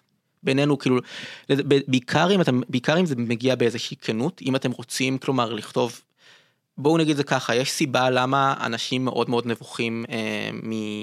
מהקונספט של אירוטיקה מהקונספט של כאילו זה דבר שהם לא זה לכתוב זה, זה יש סיבה למה נגיד הדבר הראשון שקל לצחוק עליו בכתיבה בספרים זה סצנות סקס כי זה מביך זה דבר שהוא לא, לא נעים לדבר עליו לא נעים לשמוע עליו. ודרך קלה מאוד להגן על עצמנו מפני המבוכה הזאת הרבה פעמים היא לעטוף אותה באיזשהו באיזושהי אירוניה באיזשהו ריחוק. אמ, ואני חושב שהיום אני, אני רואה הרבה מאוד אה, ריחוק לגבי הנושא הזה, אני חושב, בקולנוע וגם בטלוויזיה. ויש מורכבות בשני הסרטים האלה, אמ, שאני חושב שכן קיימת בדברים מסוימים היום, אבל לא, בטח לא במיינסטרים. לא שהסרטים האלה הם מיינסטרים מן הסתם. וזה מאוד מעניין. אני חושב שגם האמביוולנטיות של הסרט, נגיד ספציפית של משוואה, אני חושב שזה סרט מאוד אמביוולנטי מסוים במובנים מסוימים. זה לא סרט, זה סרט שיש בו הרבה קסם לסקס, יש בו הרבה קסם, אירוטי, הוא יפה, כל הגופים שם יפים, מוארים יפה, אבל, אה, אבל התחושה היא של משהו שלא מספק את הדמות הראשית ושנשאר בגדר איזושהי פנטזיה שמשאירה איזשהו עצב ובדידות שם. עכשיו, זה משהו שאולי קשור ספציפית לחוויה אנושית, לחוויה קווירית, לתקופה מסוימת, לדבר חיובי, שלילי, whatever, אבל, אבל עצם העובדה שיש איזו מורכבות ביחס לסקס בסרט כזה, אני חושב שהיא מרתקת, ואני חושב שזה משהו שהיה מאוד מעניין לראות אה, עוד היום, בלי, בלי למנוע מזה להיות גם מהנה וגם מענג במקביל. טוב, לא יודע, דניאל, נראה לי סוג של סיכם פחות או יותר את מה שרציתי להגיד בהקשר הזה. אמ, אני כן יכולה להגיד אה, בהקשר לסרטים אה, יותר אה, מודרניים, שמעניין דווקא העיסוק באמת במאחורי התעשייה. של הרבה סרטים, לא יודעת אם הרבה, אבל כמות של סרטים, אם זה באמת הסרט של נינג'ה טינברג מ-2021, עוד סרטים שנעשים, אולי, אולי זו הדרך שלנו להתייחס למין ועירום בצורה שהיא יותר מורכבת ומעניינת, לעומת הרבה השטחה שקיימת, או ציניות. אני... בכלל לא, בכלל לא הזכרנו את כאילו הפורנו של היום ותעשיית הפורנו של היום, ואני לא בטוח שיש יותר מדי מה להגיד על זה, חוץ מזה ש... יש, לטוב... פ, יש פורנו AI כבר, אז כאילו... כן. ולטוב ולרע אני חושב שיש פורנו אומנותי ומעניין היום, ויש גם סרטים אומנותיים שאני חושב ש... אולי בשנות ה-70 היו מוגדרים כפורנוגרפיים ופשוט היום אין את העולם הזה של פורט, כלומר, אה, שוב, אני חושב שהמרחק בין אה, או פנטזמה או זר על שפת האגם לבין סרטי הפורנו הגייז של שנות ה-70 הוא לא כזה גדול כמו שנראה, ופשוט אני חושב שאולי בתקופה ההיא היו נחשבים כז'אנר אחר. אבל אה, כן, אני פשוט אולי חושב שהפורנו של היום, אני לא רוצה להיכנס לעניינים מוסריים שלו, כי אני לא חושב שזה נושא הדיון, אבל, אבל גם אם אני בטוח שאפשר למצוא שם דברים מעניינים ופנינות, או פשוט דברים שכאילו סקסיים וכיפיים, אבל, אבל המרחק בינו לבין קולנוע הוא הרבה פעמים מאוד רחוק, מן הסתם. אה, כמובן, ו, אה, ובאמת בלי להיכנס לכל העניין הזה של פורנו של, של היום, כי זה באמת נושא נורא נורא מורכב, בטח כשאנחנו, שיש גם פורנו של חובבים, ויש, אה, ויש את הדבר הנורא והיום של פורנו נקמה. פורנו נקמה, פורנו מוות, כל, כל הז'אנרים כן, המשוקצים האלה, כן. כן, אני כן אה, בנושא הקולנועי ובנושא של דיונים על, על ייצוגים ויזואליים של סקס ומיניות בקולנוע של היום, אני כן עדיין, המסקנה שלי באמת מהצפייה בשני הסרטים האלה, זה שאני כן מאחל לנו ש... ש... עם כל הדיון והפתיחות על אה, מין וסקס, זה גם כן יגיע, עוד פעם, ברמה שהיא נכונה, בריאה ומנומקת ליצירות שיבחרו לעשות את זה, אמ, ששוטים שנחשבים עד היום, גם היום מלוכלכים במרכאות ומגונים, שאנחנו יודעים בדיוק, שעליהם דיברנו פה לאורך כל הפרק הזה, אמ, אה, אני מקווה ש, שילמדו לקבל אותם בפתיחות רבה הרבה יותר, ושיהיה קל יותר לאנשים אה, אה, לשים סצנה כן של אוי ואבוי חדירה בסרט מאשר עוד סצנה של רצח ברוטלי אה, כזה או אחר, כי זה באמת, עוד פעם, זה, זה, זה, זה, זה, עניינים של תפיסה, וזה נכון שזה הכי מביך בעולם לדבר על סקס ומין ומיניות ופורנו, ומן הסתם גם לי זה לא בא בקלות, וגם אותי זה פגש במקומות מאוד מאוד מאתגרים, זאת אומרת, גם, אה, אה, גם כסטרייט שראה סרט של, כמובן, של פורנו, של סרטי אה, פורנו גיי, זאת אומרת, באופן חד וחלק אני אגיד שמה שעורר אותי מינית בצורה, זאת אומרת, מה שבאמת עשה לי את זה, זה כמובן סצנות מ-The Opening of Misty Beethoven, כן? אבל אני מאחל לנו את הפתיחות הזאת של לראות גם את הסצנות האלה, גם אם הן שמות אותנו במקום טיפה יותר של אי נוחות, ולא ישר, אוי, זה מלוכלך ומגונה. כן, אי נוחות זה כיף, במיוחד עם, אי נוחות עם אנשים זה כיף, אני, אני חולם קצת על כזה הקונספט של, לה, יש מצב שזה אולי יקרה, אה, אני עדיין לא בטוח, אבל אני קצת חולם על להקרין את, אה, את אה, הסרט הזה ב, בהקרנה, אבל אה, אני, אני חושב שיש משהו בלראות דברים שלא נעים לראות עם אנשים זרים וחברים. זו חוויה. שזאת חוויה שהיא שונה ולא ברור אם היא אוקוורדית, אם היא מינית, אם היא מקרבת, אם היא מרחיקה, אם היא... אבל זה, גור... זה עושה משהו, יש משהו בלהיות. בחדר חשוך ולראות דברים שכאילו אתה לא יודע מה הבן אדם לידך חושב עליהם ואתה מרגיש איזה מוזרות לגבי זה, שהוא מאוד קולנועי בעיניי ומאוד מעניין. מסכים, ואני רק רוצה להגיד לך שאנחנו, גם אני חשבתי על זה במהלך הפרק, חייבים לארגן הקרנה של uh, משוואה. של Equation לגמרי. Uh, אז uh, לקטוע אותך. דניאל, תודה רבה. דניאל, תודה רבה שהגעת. איזה כיף, היה ממש כיף, תודה לכם. יש, מגניב, מעולה. Uh, תודה לבית אריאלה שמארחים אותנו פה כל פעם מחדש. Uh, ויאללה, ירדנה ארזי. מעניין אם גם אחרי, מעניין אם גם אחרי הפרק הזה הם יביאו לנו להיכנס עוד פעם כנראה שלא, לחדר הפודקאסטים שלהם. טינפנו פה מספיק. יש יותר גרועים. נכון. בחדר הזה. האמת שכן.